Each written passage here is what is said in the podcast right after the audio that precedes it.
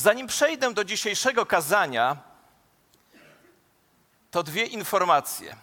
Pierwsza, Was oglądających i Was na sali bardzo chcę zachęcić do tego, żebyście zasubskrybowali nasz kanał na YouTubie i udostępniali nasze nabożeństwa. Kto z Was na sali obiecuje mi, że zaraz po nabożeństwie zasub, zasubskrybuje, trudne słowo, yy, kanał na YouTubie? Podnieście ręce, pomachajcie do mnie.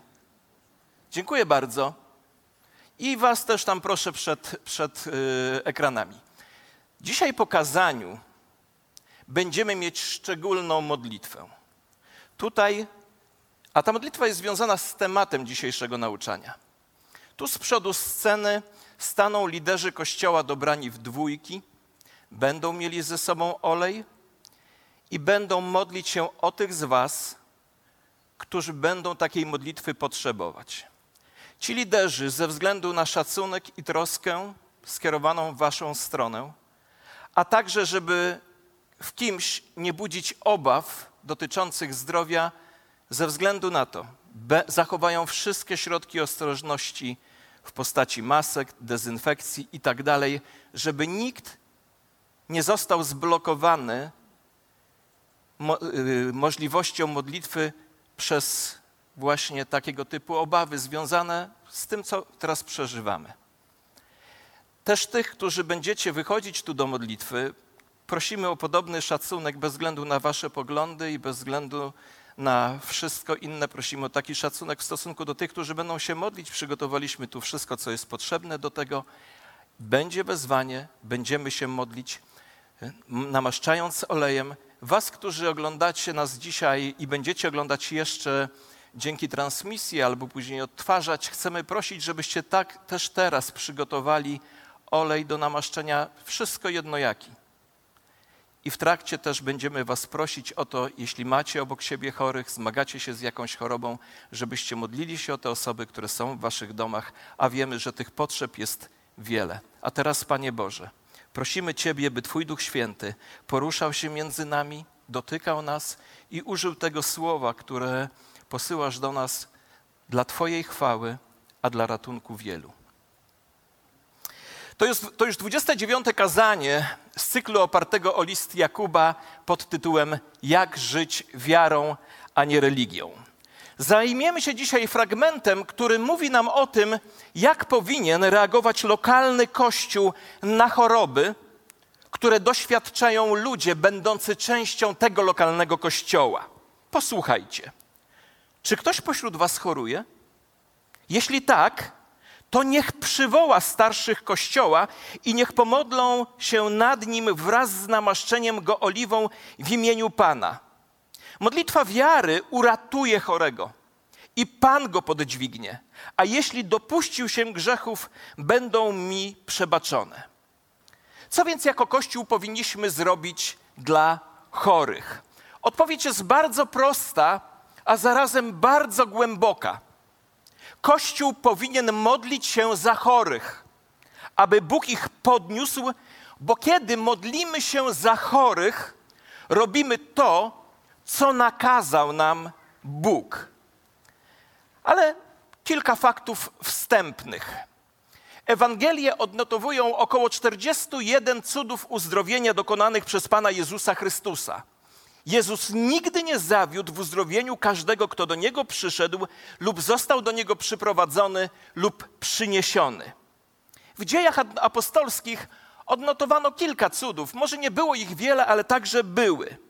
A z historii Kościoła wiemy, że od samego początku chrześcijanie wierzyli w służbę chorym i umierającym, a oprócz modlitwy – Tę troskę okazywali, zakładając szpitale, przytułki, sanatoria, domy opieki.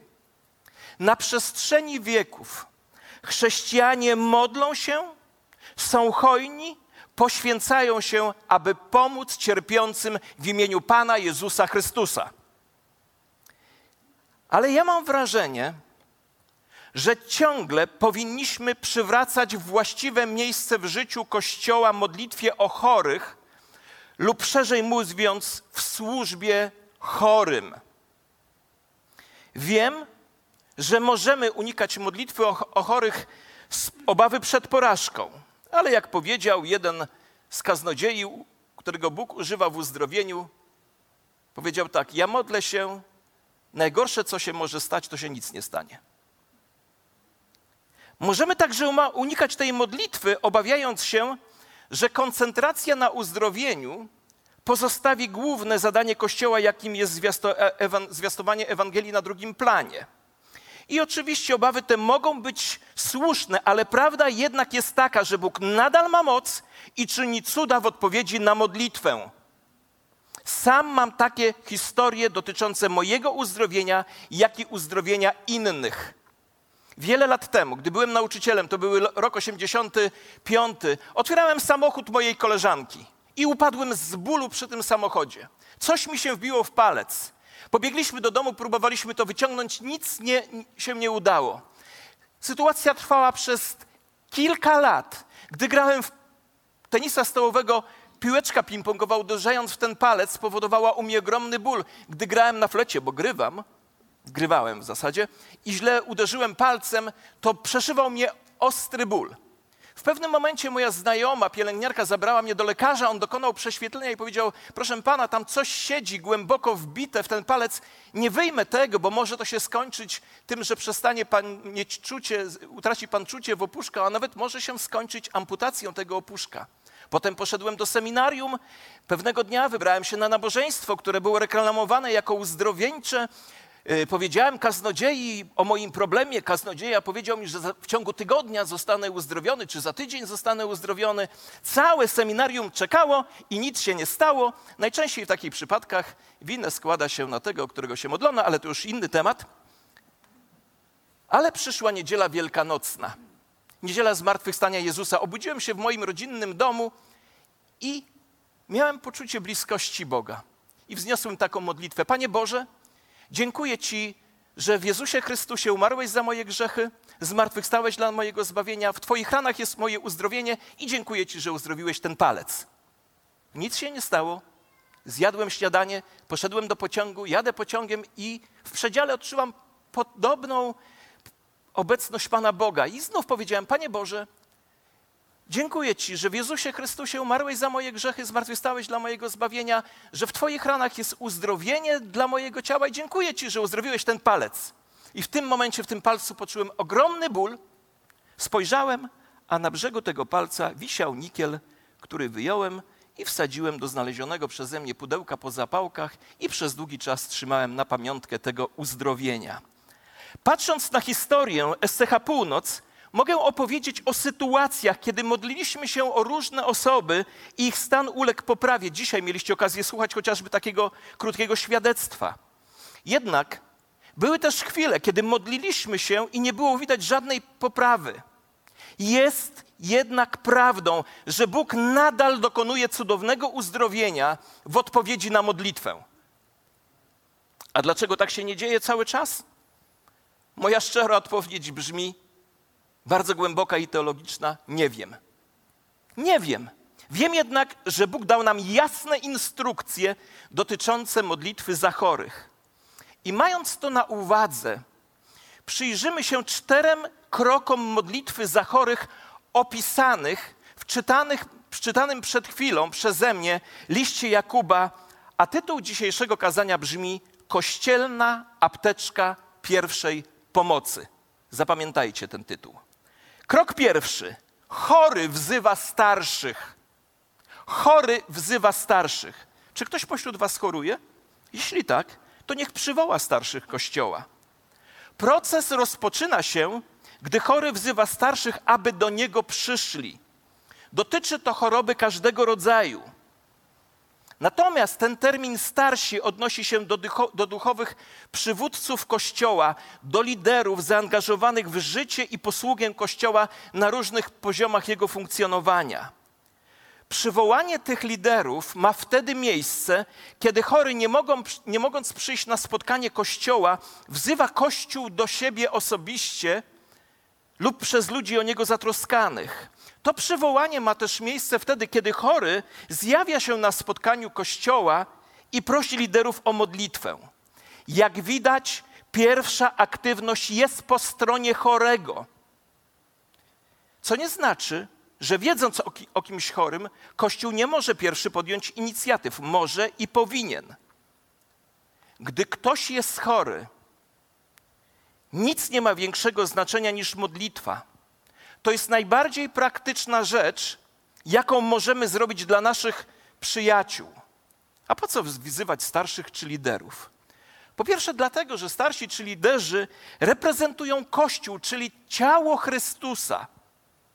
A po drugie, ponieważ są ludźmi modlitwy, potrafiącymi być w relacji z Bogiem, to ich modlitwa jest niezwykle skuteczna. Krok pierwszy. Chory wzywa starszych.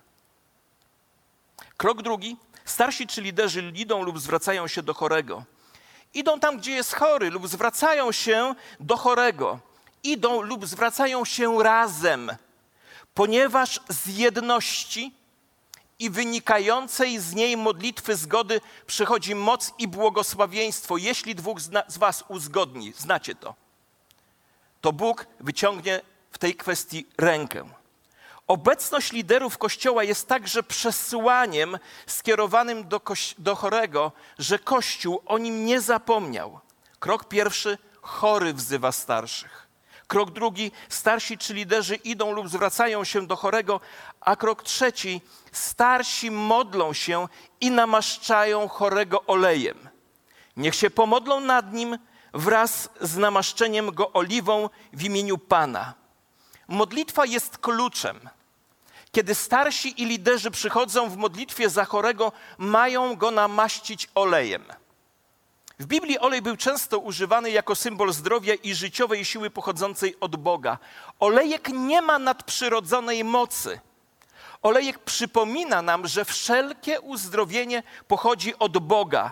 Olejek wyraża prawdę, że Bóg jest tutaj i może uzdrowić.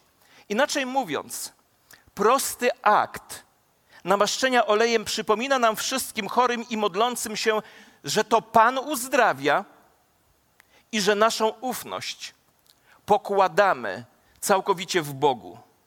Namaszczenie ma być dokonane w imieniu Pana, w Jego autorytecie, ponieważ przypomina nam, że to Bóg jest ostatecznym źródłem wszelkiego błogosławieństwa i wszelkiego uzdrowienia. Inaczej jeszcze mówiąc, to nie starsi i olejek mają moc. Moc należy do Boga. Ogromna i wszechpotężna moc jest w imieniu Pana i On i tylko On może zapewnić potrzebne uzdrowienie. Po pierwsze więc chory wzywa starszych. Po drugie starsi czy liderzy idą lub zwracają się do chorego. Po trzecie starsi liderzy modlą się i namaszczają chorego olejem. I trzeci krok jest związany z tym, że uzdrowienie jest powiązane z przebaczeniem. Krok czwarty powiązanie uzdrowienia z przebaczeniem. Modlitwa wiary uratuje chorego i Pan go podźwignie, a jeśli dopuścił się grzechów, będą mu przebaczone. Ten czwarty krok jest po prostu oczekiwanym rezultatem pierwszych trzech kroków. Chory zostaje uzdrowiony, a grzechy jego zostają przebaczone. Jakub, aby opisać tę modlitwę, nazywa ją modlitwą wiary, co znaczy, że kiedy liderzy Kościoła modlą się, mają przyjść do Boga w całkowitej ufności, że On ma moc to uczynić i zrobi to, co jest potrzebne. Ten fragment nie mówi nam, w jaki sposób nastąpi uzdrowienie. Ten fragment nie wy... w tym fragmencie nie czytamy, że wymagane jest cudowne i natychmiastowe uzdrowienie. I powiem wam, tu się możecie nie zgodzić, to jest takie moje prywatne przekonanie, ale w moim przekonaniu ten fragment nie, wy, nie wyklucza również opieki medycznej. Ale czy to szybko, czy powoli, czy za pomocą cudów, leków, ziół lub kombinacją tych wszystkich rzeczy Bóg może uzdrowić swoje dzieci. Jest taka historia w Starym Testamencie, dotycząca króla Ezechiasza, który zachorował i dotrzymał słowo, że umrze. Modlił się we łzach do Pana, a Pan powiedział: Przyłóż do rany garść suchych fig, lub jak mówi inny przekład, placek figowy. Czy Bóg mógł bez suchych fig uzdrowić go? Mógł. Posłużył się suchymi figami, nie wiem dlaczego, Ale znam pastora, który zmarł w wieku 103 lat i któregoś razu, będąc chorym, modlił się do Boga i usłyszał słowo aloes. I zaczął robić nalewki, jeść i został uzdrowiony. Rodzina w naszym kościele, modląc się o dziecko, które medycyna nie, da, nie, nie, nie dawała rady, lekarstwo nie dawały rady, modlitwy, któregoś razu modlili się i usłyszeli kapusta kiszona. I zaczęli dziecko odżywiać kapustą kiszoną i dziecko zostało uzdrowione. A ja mam trzy takie historie, ale za długo by o tym opowiadać. Związane z moim własnym życiem, kiedy Bóg mi powiedział, co mam dokładnie skonsumować. Bez względu na to, jak uzdrowienie na skutek modlitwy przyszło, to przyszło za sprawą Boga. Czy to bez, czy z udziałem garści suszonych fig, czy z udziałem ręki lekarza, czy bez udziału ręki lekarza, to i tak za tym wszystkim stoi Bóg, bo każdy dar dobry pochodzi od Boga. A Łukasz z Biblii był lekarzem umiłowanym. Ale musimy też pamiętać, że nie każda choroba jest spowodowana grzechem, ale są też takie choroby, które wynikają bezpośrednio z naszych grzesznych działań i grzesznych postaw. I dopóki te rzeczy nie zostaną skonfrontowane i wyznane, nie ma sensu modlić się o uzdrowienie. Dlatego pytamy chorego, czy jest może świadomy jakiegoś grzechu blokującego Boże uzdrowienie, Bożą uzdrowiającą moc. Zwróć mu uwagę, że Jakub mówi, że modlitwa wznoszona z wiarą uzdrowi chorego, Pan go podniesie. Modlitwa zanoszona z wiarą uzdrowi chorego i Pan go podniesie. Powiem wam szczerze, osobiście czułbym się bezpieczniej, gdyby werset ten mówił: Modlitwa z wiary może uzdrowić chorych. Ale tam nie jest tak napisane. Modlitwa wiary uzdrowi chorego, a Pan go podniesie. Ale zdarza się, nie wiem dlaczego. Jestem szczery do bólu. Nie chcę zaprzeczać faktom, że mimo modlitwy stan zdrowia ludzi pogorszył się, a nie polepszył. I myślę sobie, że musimy tutaj nabrać z pokorą właściwej perspektywy. Niestety nie wszyscy, za których się modlimy, modliliśmy, są uzdrowieni w dosłownym fizycznym sensie i jest tutaj, jestem szczery. Możecie się ze mną nie zgadzać, ale jestem szczery. Jest tu tajemnica, której ja nie potrafię w pełni wyjaśnić. I choć nie potrafię tego wyjaśnić, to wciągle wiem, że dla Boga nie ma rzeczy niemożliwych. I tamte sytuacje nie podważają mojej wiary w Boga, który jest wszechmocny i ma moc uzdrowienia. Jak zatem powinniśmy modlić się za chorych? Wiecie, mój ulubiony kaznodzieja zachęca mnie tak. Módl się natarczywie ponieważ dla Boga nie ma rzeczy niemożliwych. Módl się gorąco, ponieważ modlitwy sprawiedliwych są potężne i skuteczne. Módlmy się w jedności, ponieważ nasza wiara staje się silniejsza, gdy modlimy się razem. Módl się pewnie, ze świadomością, że masz arcykapłana w niebie, który nieustannie wstawia się za tobą. Módl się wielokrotnie, ponieważ Bóg zaprasza nas, abyśmy nie przestawali się modlić. I módl się z wdzięcznością, ponieważ już otrzymaliśmy łaskę za łaską. Mamy o wiele więcej niż to, na co zasługujemy, i módl się w uniżeniu, ponieważ Boże zrozumienie całej sytuacji jest znacznie większe niż nasze i Twoje.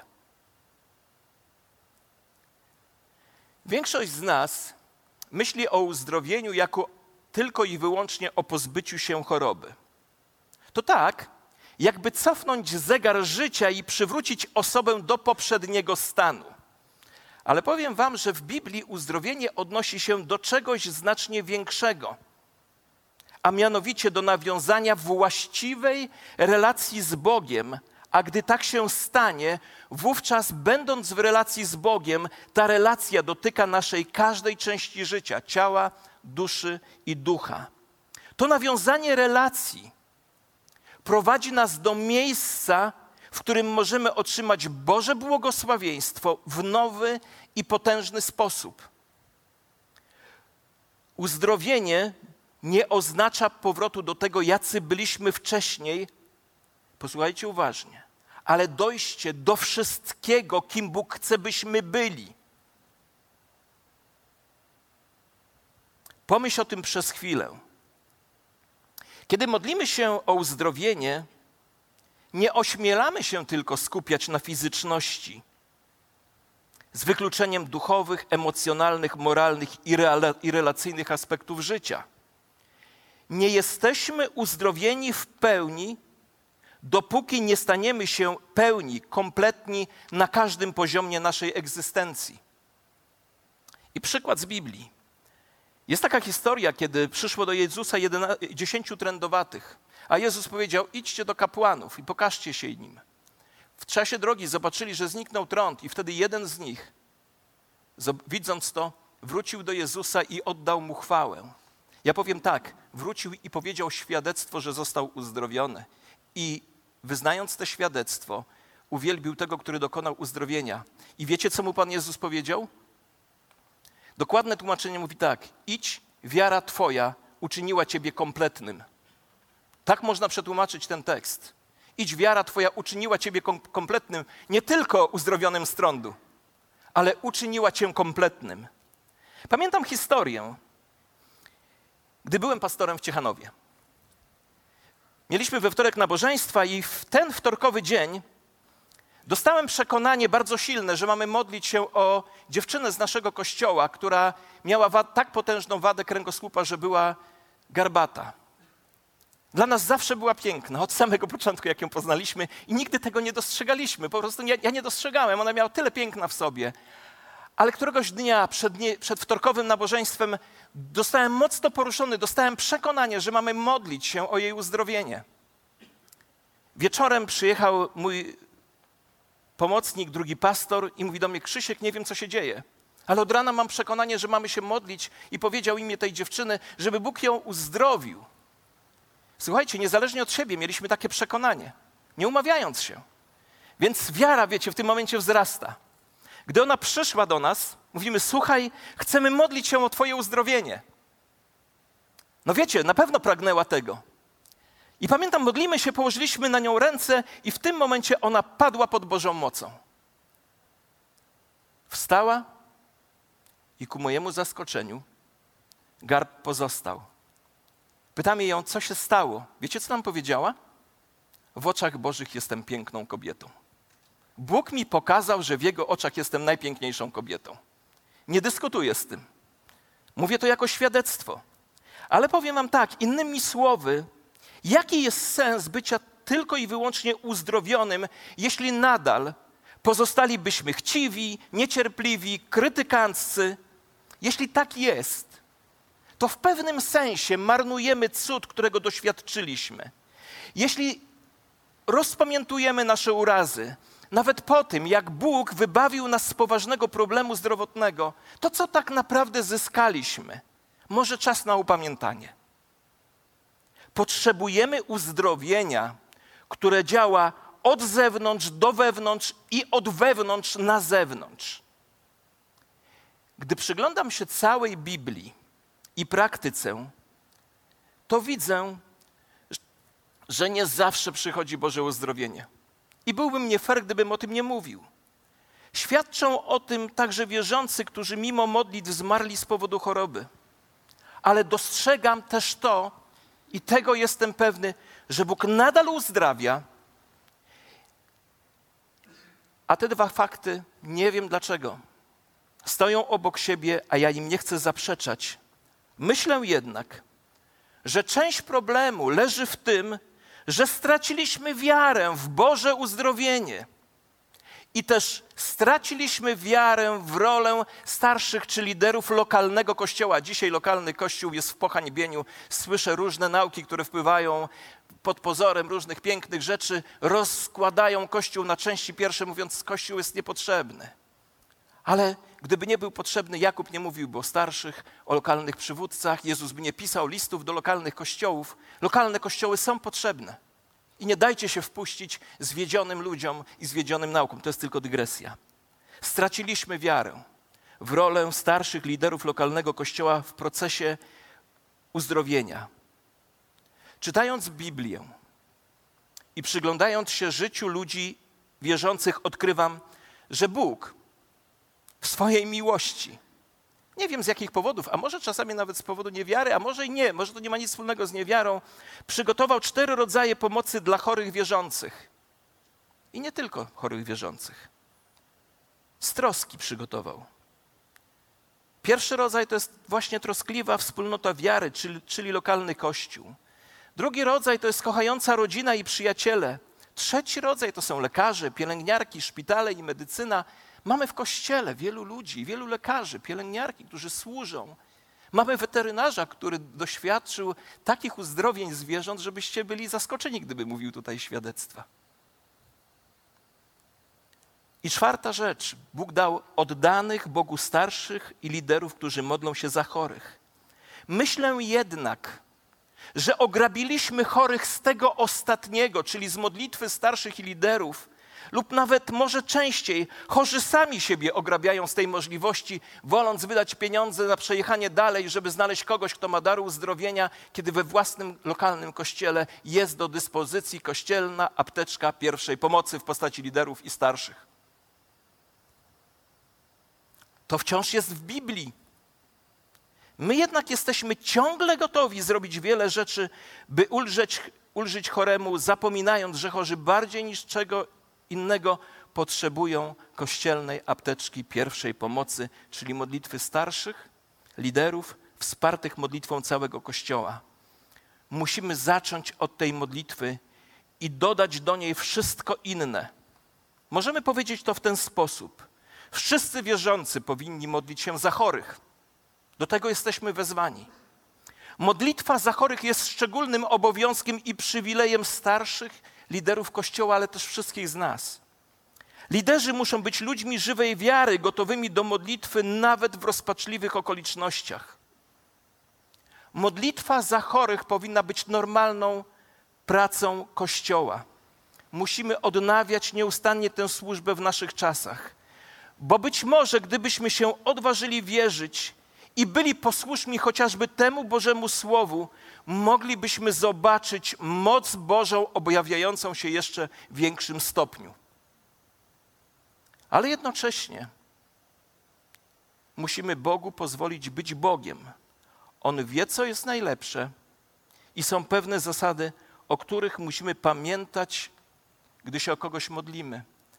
Zasady te też zaczerpnąłem od jednego z moich ulubionych mówców i zaadoptowałem je na potrzeby dzisiejszego nauczania. Posłuchajcie tych zasad z całą uwagą. Ponieważ Bóg jest suwerenny, pozostawmy jemu odpowiedzi na modlitwę. Kiedyś modliłem się o chrzest Duchu Świętym dla chłopaka. Duch Święty na, autentycznie stąpił na niego i zacząłem mu sugerować, żeby teraz się pomodlił o dar języków, a on mnie zaskoczył. Powiedział, ja chcę mieć słowo wiedzy. Ja byłem rozczarowany, bo ja tak oczekiwałem takiej odpowiedzi na tę modlitwę. Pomodliłem się jednak tak, on, jak on chciał. Następnego dnia dzwoni do mnie, mówi: Nie wiem, co się stało. Stanąłem przed ludźmi i mówiłem w taki sposób, że nigdy tego nie doświadczyłem. Objawiło się słowo wiedzy. Za jakiś czas też mówił językami, ale ponieważ Bóg jest suwerenny, pozostawmy Jemu odpowiedzi na modlitwę. Módlmy się z pokorą, ale nie bądźmy zbyt szybcy do składania obietnic dotyczących rezultatów, ponieważ one nie są w naszej gestii. Bóg jest Bogiem, a nie my. Kiedy, kiedy się modlimy o chorych, nie możemy o tym zapomnieć. Po drugie, ponieważ Bóg jest wszechmocny, powinniśmy oczekiwać, że On odpowie na nasze modlitwy. I czasami w sposób, którego nie jesteśmy w stanie wyjaśnić. Dlatego powinniśmy modlić się odważnie i prosić Boga o uzdrowienie, którego szukamy. I posłuchajcie, gdy modlimy się o uzdrowienie, patrzymy na Boga, a nie na rodzaj choroby czy stan chorego. Bo patrząc na Boga, nie będziemy się bać Go prosić o uzdrowienie Jego dzieci. I po trzecie, ponieważ to Bóg zaprasza nas do modlitwy, po nim winniśmy modlić się żarliwie o to, czego potrzebujemy, a sprawiedli modlitwy sprawiedliwych są potężne i skuteczne. Usilna modlitwa wymaga całkowitej koncentracji i lepiej pomodlić się krótko, ale z serca, niż długo, podczas której modlitwy niektórzy zasną jeszcze. A ponieważ, i tu jestem ostrożny w tym, co powiem, ponieważ wszystko, co Bóg tworzy, jest dobre, powinniśmy postrzegać zarówno modlitwę, jak i różnego rodzaju lekarstwa, zioła, jako dary, które pomagają nam, gdy jesteśmy chorzy. Wiecie, co odkryłem? Że Bóg nie każe nam wybierać między modlitwą a lekarstwami. Miałem takiego znajomego kaznodzieja, który mi powiedział, Krzysiek, Bóg mi, nigdy w życiu nie wziąłem od nawrócenia lekarstwa. Bóg mi to powiedział. Nie będziesz używał lekarstw. I ja nie używam. Ale tobie tego nie powiedział. Ale tobie tego nie powiedział. Tak mi on powiedział. Módlcie się, a jeśli trzeba, przyjmujcie swoje leki na chwałę Bogu. Chyba, że Bóg wyraźnie powie i potwierdzi wam to, że jest inaczej. Szukaj Pana, gdy jesteś słaby i proś Go o pomoc. I nie gardź Jego pomocą, jeśli ona ma formę operacji czy jednego leczenia. Wiecie, był u nas chłopak w kościele. Modliliśmy się o jego uzdrowienie z alergii na wszystkie różne sposoby. Rodzice robili dużo różnych rzeczy. W pewnym momencie modlili się, Boże, uratuj go, zrób coś, bo już byli zmęczeni tym wszystkim. I wiecie, co Bóg zrobił? Posłał do nich lekarza drużyn olimpijskich. To było wiele lat temu. Ten lekarz przebadał go, zastosował pewne rzeczy, chłopak został całkowicie uzdrowiony. Ja tego nie rozumiem, ale nie chcę stać w opozycji do tego. Nie chcę stać w opozycji do tego. I piąta rzecz. Skoro Bóg wie, co jest najlepsze, musimy wierzyć, że kiedy uzdrowienie nie nadchodzi w taki sposób, jak my byśmy oczekiwali, to to jest dla naszego dobra i Jego większej chwały. I czasami zobaczymy to wyraźnie, a innym razem musimy zdecydować się, że ufamy Panu Bogu. I przykład. Przyjaźnimy się z żoną, z kobietą o nazwisku Johnny Erickson Tada. 20 lat temu, czy więcej, była w Polsce bardzo popularna. Gdy miała 17 lat, skoczyła do wody, ma totalnie, złamała kręgosłup, jest totalnie niepełnosprawna od głowy w górę. Najpierw była zła na Boga, że tak się stało. Później modliła się o uzdrowienie. A później, gdy uzdrowienie nie przyszło, Bóg ją dotknął takiej serca, że zaczęła służyć jako ewangelistka wśród ludzi niepełnosprawnych i dzięki jej świadectwu i zwiastowanej Ewangelii nie setki tysięcy, ale miliony ludzi usłyszało o Jezusie i przyszło do spotkania z Nim. Ja tego nie rozumiem. Pamiętam historię, kiedy byłem z nią na konferencji, podszedł młody człowiek i powiedział: Gdybyś była prawdziwie wierząca, to byś nie siedziała na tym wózku. Na to ona, czuła kobieta, wrażliwa, bardzo niebezpieczna, bo jak siedzi z tobą przy stole, to się pyta, a co ci dzisiaj Pan Jezus powiedział? Spojrzała na tego człowieka powiedziała tak, wiesz, pamiętasz tę historię z Ewangelii, jak do Jezusa czterech przyniosło na łożu sparaliżowanego? No pamiętam. Czyją wiarę widział Jezus i go uzdrowił? Jak tam jest napisane? Mówi, to ja ci powiem, jak jest napisane. Jezus widząc wiarę ich. W takim razie, gdzie jest twoja wiara, że ja tu jeszcze siedzę? Chłopak się zmył. I szósta rzecz. Ponieważ grzech może blokować uzdrawiającą moc Boga, powinniśmy zawsze pytać o stan duchowy danej osoby, zanim się pomodlimy. Współczujący liderzy wiedzą, jak mądrze postępować z owcami powierzonymi ich opiece. Musimy zapytać, czy jesteś świadomy czegoś w swoim życiu, co mogło sprowadzić na ciebie tę chorobę lub blokuje uzdrawiającą moc. A kiedy odpowiedź brzmi tak, możemy zająć się tym problemem w ramach całego procesu leczenia. I siódma rzecz, ponieważ Słowo Boże jest prawdziwe, wychwalamy Boga, gdy jesteśmy posłuszni Jego Słowu bez względu na wynik. Mamy być posłuszni temu, co wiemy, a wynik pozostawić Jemu. Niedawno, Leszku, przepraszam, nie mam tego w notatkach, ale sam się modliłeś o swojego brata i odszedł do Pana. Nie rozumiemy tego. Trzydzieści kilka lat, dwa tygodnie, zdaje się, czy dwa, czy cztery tygodnie. Zakończenie. Naprawdę już koniec. Wiem, że to trochę długo, ale posłuchajcie. Wszelkie uzdrowienie w tym życiu jest częściowe i tymczasowe. Dlaczego? Bo nasz zewnętrzny człowiek niszczeje, mówi apostoł Paweł, a w innym miejscu dodaje, że zostanie zniszczony ten namiot naszego ziemskiego mieszkania. Ostateczne uzdrowienie nie nastąpi, dopóki umarli w Chrystusie nie zmartwychwstaną, a stanie się to wtedy, kiedy Jezus przyjdzie ponownie. Dlatego modlitwą Kościoła jest: Przyjdź, Panie Jezu. Ci, którzy umierają w zaufaniu Chrystusowi, rozstają się z życiem, aby być z Chrystusem, i to jest daleko lepsze od wszystkiego innego. Ich cierpienia skończyły się na zawsze. Natomiast całkowicie i bezpowrotnie zostaniemy uzdrowieni, gdy otrzymamy nowe ciała, kiedy Chrystus powróci.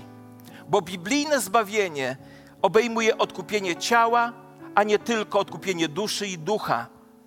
Pamiętajmy, że ziemskie uzdrowienie nie zastąpi widoku nas i naszych bliskich, kiedy w dniu powtórnego przyjścia Chrystusa powstaniemy z martwych w nowych ciałach jako nieśmiertelni i bez skazy. Jeśli pomyślimy o tym w ten sposób, to kwestia uzdrowienia jest ukazana we właściwym świetle.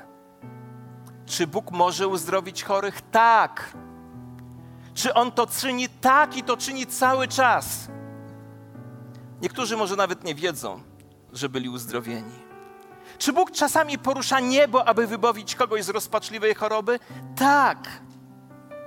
Powinniśmy więc radować się, składać świadectwo z każdego uzdrowienia, bo bez względu na to, jak duże lub małe wydaje się w naszych oczach, jest ważne, bo Pan za tym stoi. Pamiętajmy jednak, że wszyscy uzdrowieni w tym życiu kiedyś umrą, bo śmierć wciąż panuje na ziemi. Pamiętajmy też, że będąc pod wrażeniem jakiegoś uzdrowienia czy cudu, pamiętajmy o tym, jakie będzie wrażenie, gdy sami doświadczymy zmartwychwstania i zmartwychwstania innych w trakcie powrotu Chrystusa. Wiecie, każde fizyczne uzdrowienie, każdy cud jest przed smakiem i gwarancją większych cudów, które nadejdą. A chcę Wam powiedzieć, że kiedy sobie myślę o moich bliskich, którzy już odeszli do Pana, o mojej mamie, o moim tacie, o moim bracie ciotecznym, którego kochałem, o moich kilku przyjaciołach, którzy już są tam, to czasami wyrywa się taka myśl: Panie Jezu, chcę, żebyś przyszedł jeszcze dzisiaj. Opróżnij cmentarze i zacznijmy świętowanie. Dlaczego niektóre modlitwy o uzdrowienie zostały wysłuchane, a inne nie? Żadna odpowiedź nie może w pełni wyjaśnić zamierzeń Bożych, ponieważ, jak mówi Psalm 115, nasz Bóg jest w niebie i czyni to, co zechce. My się modlimy, a Bóg dokonuje uzdrowienia w swoim czasie, w swój sposób i zgodnie ze swoją wolą. Mamy się modlić żarliwie, gorąco, w jedności, wielokrotnie, posłusznie, z całą wiarą, jaką daje nam Bóg. Jeśli wykonamy swoją część, Bóg nie może nie wykonać swojej. A my przez modlitwę możemy stać się pośrednikami uzdrowienia chorych. Jakiż to zaszczyt być używany przez Boga w taki sposób. Módlmy się odważnie, ufnie, pokornie, wierząc, że gdy modlimy się za chorych i umierających, Bóg słyszy, troszczy się o nich i zrobi to, co najlepsze w każdej sytuacji. Nie bój się, wierz i módl się dalej. I dziś będziemy praktykować. Zapraszam już naszych liderów, żeby stanęli tutaj, tak jak mówiłem, będą zabezpieczeni, żeby nikt z nas się nie czuł skrępowany, żeby nikt z nas nie czuł obawy do podejścia tutaj. I tych z Was, którzy dzisiaj potrzebują modlitwy. Zobaczcie, jak już mówiłem, tam nie jest napisane, że Bóg może uzdrowić. Ja bym chciał, żeby tak było napisane. Tam jest napisane, że modlitwa płynąca z wiary uzdrowi chorego, a Pan go podniesie. I dzisiaj niech Twoje przyjście tutaj, po drodze możesz ubrać maskę z szacunku dla modlących się o Ciebie, tak jak oni zrobili to w szacunku dla tych, którzy byliby zakłopotani podejściem tutaj, to nie ma nic wspólnego z wiarą. Niech dzisiaj Twoje wyjście tutaj będzie przywołaniem liderów, przywołaniem starszych, by modlili się o Ciebie. A Ty wyjdź do tego miejsca, będziemy się modlić o Ciebie. Powstańmy, proszę. I tych z Was, którzy potrzebują modlitwy, proszę podejdźcie. Nie krępujcie się, podejdźcie tutaj, będą modlić się razem z Wami. Jest tutaj wiele osób, które czekają na Was w jakiejkolwiek sprawie. Mamy okazję, z, y, mamy okazję spraktykować to, co mówi Biblia z odwagą. A jeśli jesteś przed dzisiaj ekranem, czy będziesz oglądał w innym momencie, to możesz w domu uczynić to samo. Może twoja żona lub twój mąż potrzebuje modlitwy. Weźcie olej, namaście siebie nawzajem i módlcie się jedni o drugich. Róbcie to w domach, zobaczymy, co Pan Bóg na to. Módlmy się z wiarą, a ten, który ma moc, dotknie chorego i Pan go uzdrowi.